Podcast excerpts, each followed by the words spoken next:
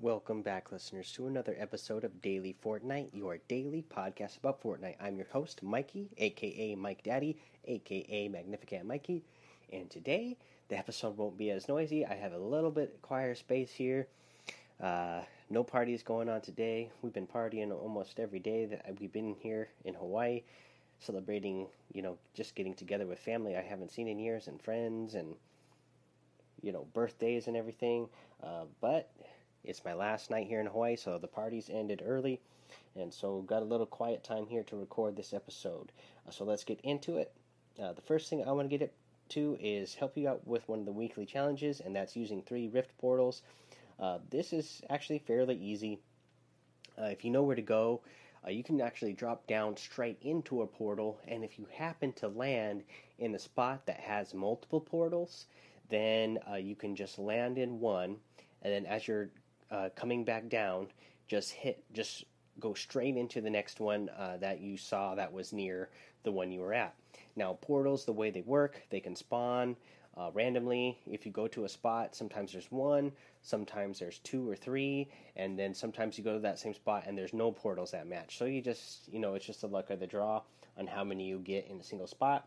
But what I have found, the, the best places to go find uh, the rifts are if you go east of Pleasant Park, there's the Durrr Burger there on Durrr Burger Hill. Um, usually there's some portals there. Uh, if you go to the Viking Valhalla Mountain, uh, there's usually a few portals there. Uh, Paradise Palms area usually has some. Uh, for instance, like the Old West uh, town, uh, also known as Tombstone, as me and some of the other listeners out there who play together like to call it yeah, Tombstone. You'll find a few outside of there. There's also the Oasis that is near the Tombstone town, and you will find some portals in the little Oasis area.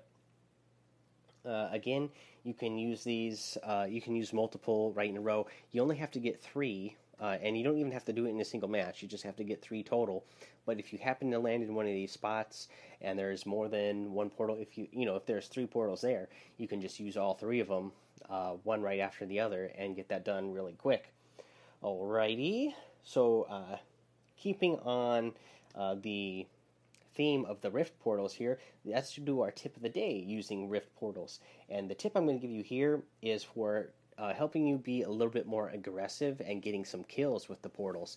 Uh, a lot of times, what I'll do is I'll use the portals to reposition myself in a safer spot inside the inside the circle. Uh, sometimes, you know, they're also really good for if I'm way outside of the circle uh, where the storm is going to be moving to.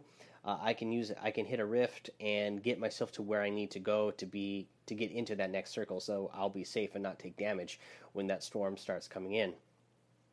Uh, you can also, you know, if you're near, uh, if you're already near the circle and there happens to be a rift there, you can go towards the middle and get yourself set up somewhere in the middle for uh, the late game and try to get uh, you know high ground somewhere that's going to be in the middle of the circle.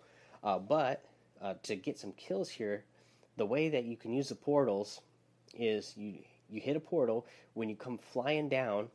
Uh, you know, just be on the lookout for your enemies. Uh, when you see some enemies down on the ground, a lot of times people aren't looking up to see. You know, they hear that portal sound, but they don't think to look up and start looking around to see if somebody's coming towards them. That's one other thing I suggest you do. If you hear a portal and it sounds like it's near you, just look, take a look up real quick and see if somebody is coming down. Uh, but again, most people don't. So what you can do to get these kills is drop down and then position yourself so that you are going to land right behind the person. Uh, uh, the other thing about this is you when you jump into the portal, you want to have uh, your weapon ready. I mean, this goes for anything this uh, you know that you want to use, uh, like the launch pads. It's the same thing. If you if you jump in the air and you hit, you start using your glider, you're not going to be able to. Once you hit the ground, if you have your pickaxe ready before you hit it, same thing with the launch pad and the portals here. Once you hit the ground, your pickaxe is going to be out, and then you need to switch to your weapon. So before you hit the, a launch pad or before you hit a portal, make sure you have your weapon out and ready. That way, as soon as you hit the ground, your weapon will already be out.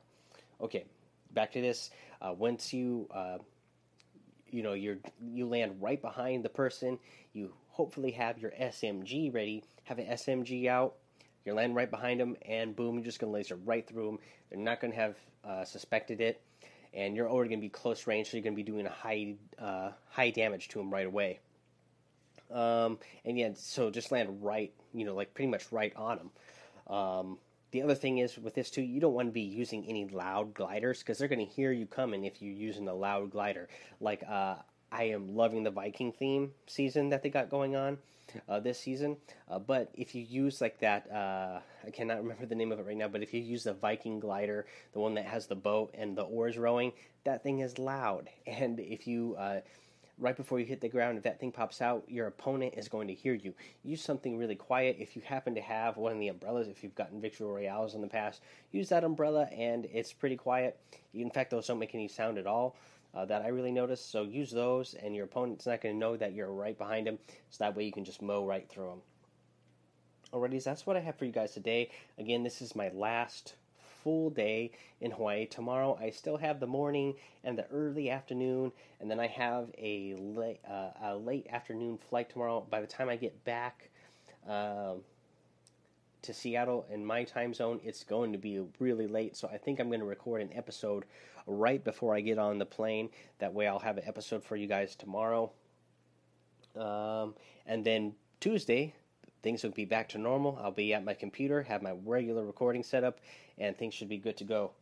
Um, but until then, uh, we just want to hit a few things here. I would uh, ask you guys to please support Daily Fortnite by using that new Anchor feature, this uh, listener support feature. Uh, it's just a monthly subscription uh, donation that you would uh, be giving to the show here to help us grow and keep doing bigger and better things.